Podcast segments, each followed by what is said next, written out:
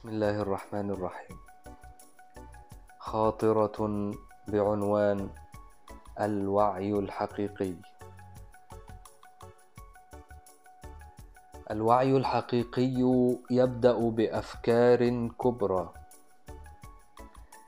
الوعي الحقيقي يبدأ بأفكار كبرى تغير مجرى الحياة باتجاهات أكثر نضجًا وأكثر وعيًا وأكثر اقترابا من السلام الداخلي والخارجي. أفكار من مثل أنت الوحيد المسؤول عن نفسك فلا تنتظر من الآخرين مساعدة أو شفقة أو تقديرا. أفكار من مثل أنت لا تعيش في هذا الكون وحيدا إنما خلقت لتتعايش مع غيرك وتعمر الأرض. أفكار من مثل الحياة الحقيقية إنما هي حياة الآخرة. فاعمل من أجل آخرتك. أفكار من مثل ليس كل الرزق مال. وإن كنت في زمن اسمه زمن الجنيه.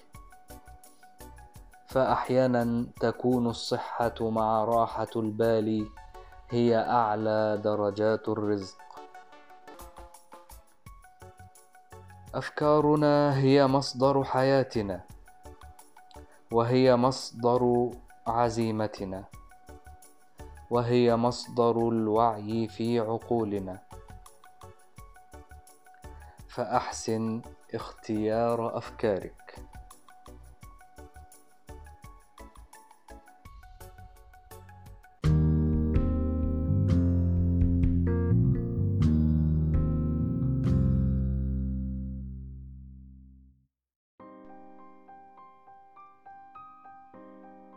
اقتباس من أدب.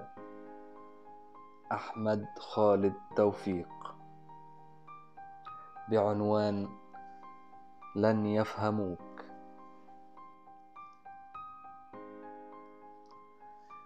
لن يفهموك صدقني لن يفهموك فأنت تتحدث عن أمر قطعت فيه آلاف الأميال تفكيرا.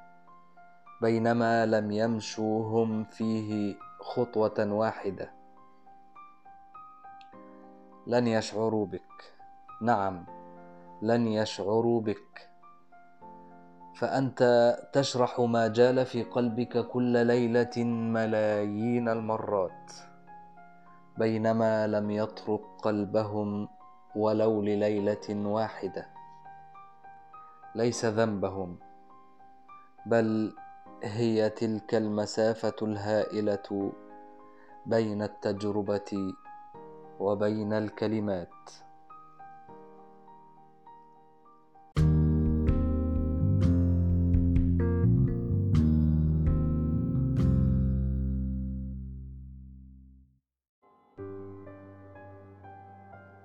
بسم الله الرحمن الرحيم.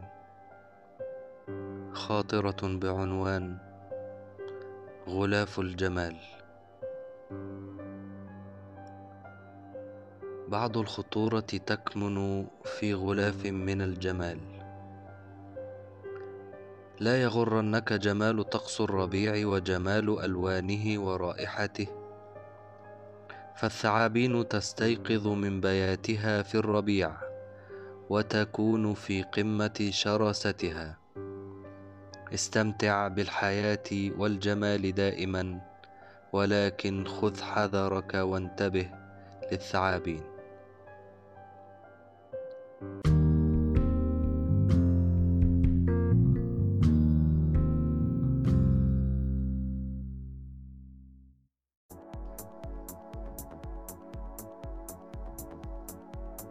خاطرة بعنوان أين تهرب؟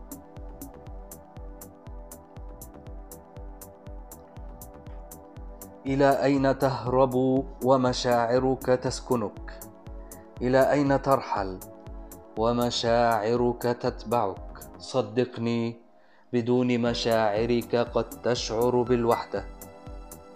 ستظل مشاعرك تسكنك وترتحل معك. فلتحسن صحبتها يا صديقي ولا تتنكر لها ولا تنزعج منها. لعلك إن أنت أحسنت صحبة مشاعرك. أن تحسن هي الأخرى صحبتك وتبدي لك حسناتها.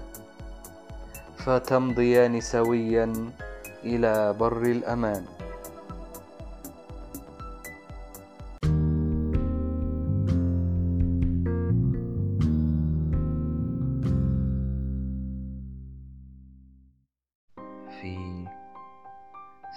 من مدرسة الحياة حتى الآن. كنت أسرد الخواطر سردا أحببت أن أشارك الجميع المغزى أو الفكرة من وراء هذه الخواطر. أولا خاطرة الوعي الحقيقي. الوعي الحقيقي يعني الفكرة الرئيسية فيها هي أنك يجب أن تنتقي أفكارك لأن الأفكار هي التي تزرع في عقلك وهي التي تحرك آه، بقية جسدك. فاختر أفكارك جيدا لكي تكون أفعالك ولكي تكون قيمتك في الحياة في أعلى درجاتها. أحسن اختيار أفكارك. آه، اقتباس لن يفهموك لأحمد خالد توفيق من أفضل آه، ومن أجمل ما قرأت فنعم المسافة هائلة بين التجربة وبين الكلمات. من يتكلم عن تجربة ليس كمن يتكلم كلاما في الهواء. لم يعمل من أجله ولم يعش من أجله. أما بالنسبة لخاطرة غلاف الجمال فأنا حقيقة أعشق فصل الربيع. أعشق فصل الربيع وأعشق تفتح الزهور فيه وهكذا. أعشق الجمال في فصل الربيع. أعشق الروائح الجميلة في فصل الربيع. ولكن في حياتك عموما هل يخبئ لك الجمال مفاجآت غير سارة؟ هذه هي الفكرة من وراء هذه الخاطرة. هل يخبئ لك الجمال مفاجآت غير سارة أحيانا أو كثيرا؟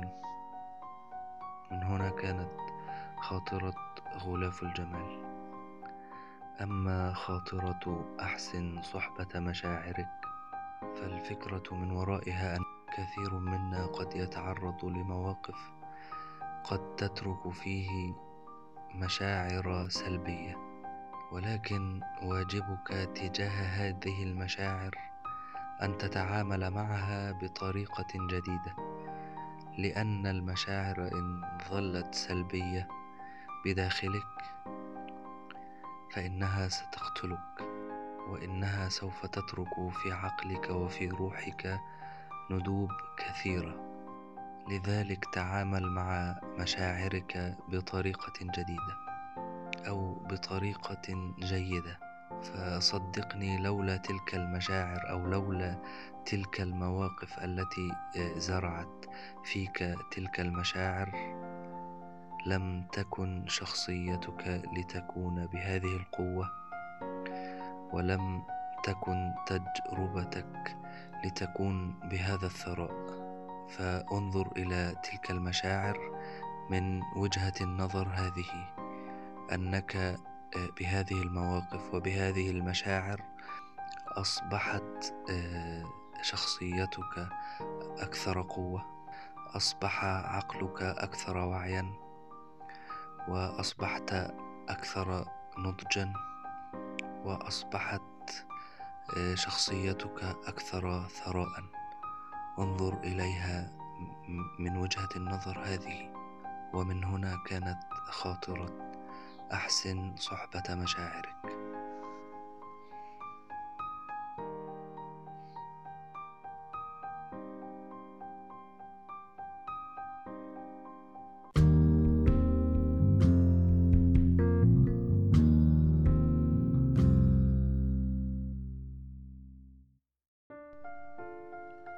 عن حسن الاختيار كتبت أقول قولك سوف يتغير مع الوقت.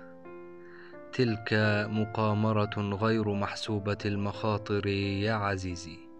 لا تعول على تغير منتظر. من البداية اختر الأرواح التي تشبهك.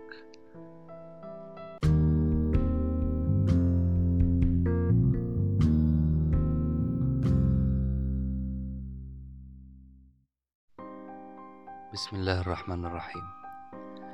كتبت عن إزاي لازم تكمل طريقك مهما حصل بعنوان درس المشي. أكبر درس ممكن تتعلمه من طفل صغير هو درس المشي. هتقع كتير بس مهما وقعت لازم تقف ولازم تكمل.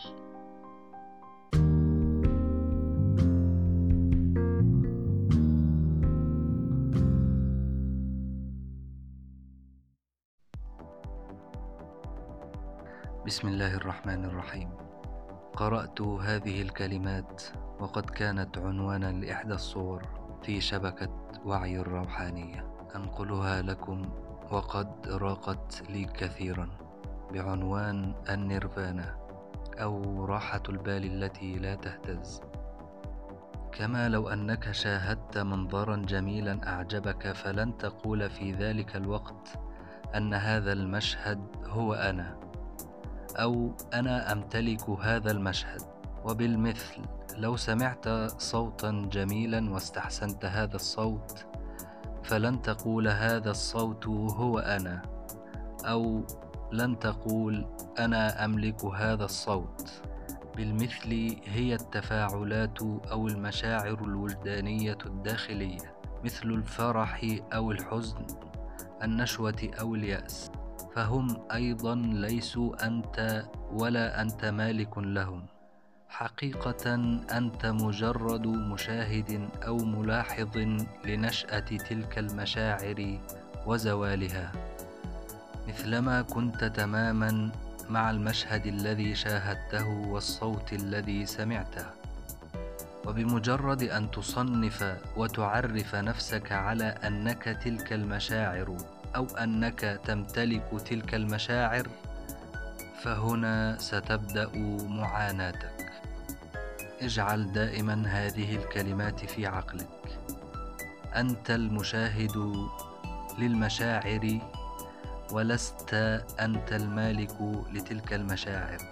أنت فقط مشاهد للمشاعر.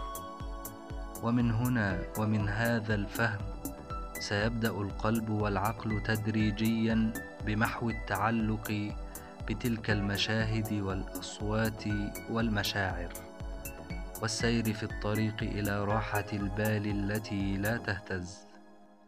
شكرا لحسن استماعكم وألقاكم في صوتيات قادمة.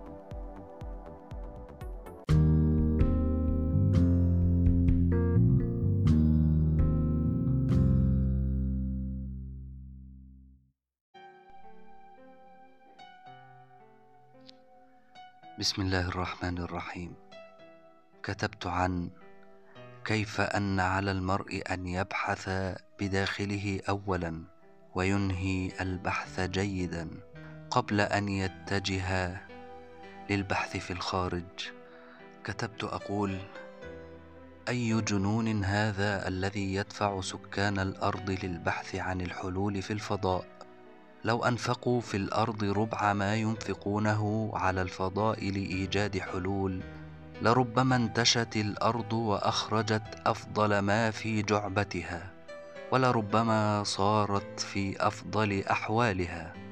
قبل أن تبحث عن الحلول في الخارج تأكد أنك أحسنت البحث بداخلك اولا. شكرا لحسن استماعكم. وألقاكم في صوتيات قادمة.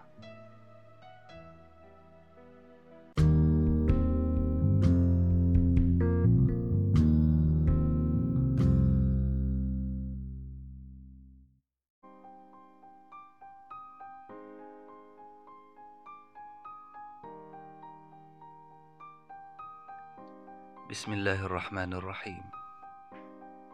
عبد الله بن المقفع. أحد عمالقة الأدب العربي. له كتاب عظيم النفع. يبين للمرء كيف عليه أن يتعامل مع نفسه وكيف عليه أن يتعامل مع مجتمعه ومن هم حوله وكيف عليه أن يتعامل مع الولاة والسلاطين وأهل المناصب. هذا الكتاب هو كتاب الأدب الصغير والأدب الكبير. كتب عبد الله بن المقفع ما الذي يجب على المرء لتستقيم له حياته؟ ليكن المرء سؤولا وليكن فصولا بين الحق والباطل وليكن صدوقا ليؤمن على ما قال وليكن ذا عهد ليوفى له بعهده. وليكن شكورا ليستوجب الزيادة وليكن جوادا ليكون للخير أهلا وليكن رحيما بالمضرورين لئلا يبتلى بالضر وليكن ودودا لئلا يكون معدنا لأخلاق الشيطان وليكن متواضعا ليفرح له بالخير ولا يحسد عليه. وليكن قنعا لتقر عينه بما أوتي. وليسر للناس بالخير لئلا يؤذيه الحسد. وليكن حذرا لئلا تطول مخافته. ولا يكونن حقودا لئلا يضر بنفسه اضرارا باقيا. وليكن ذا حياء لئلا يستذم. دمتم بخير وعافية. تقبلوا تحياتي وألقاكم في صوتيات قادمة.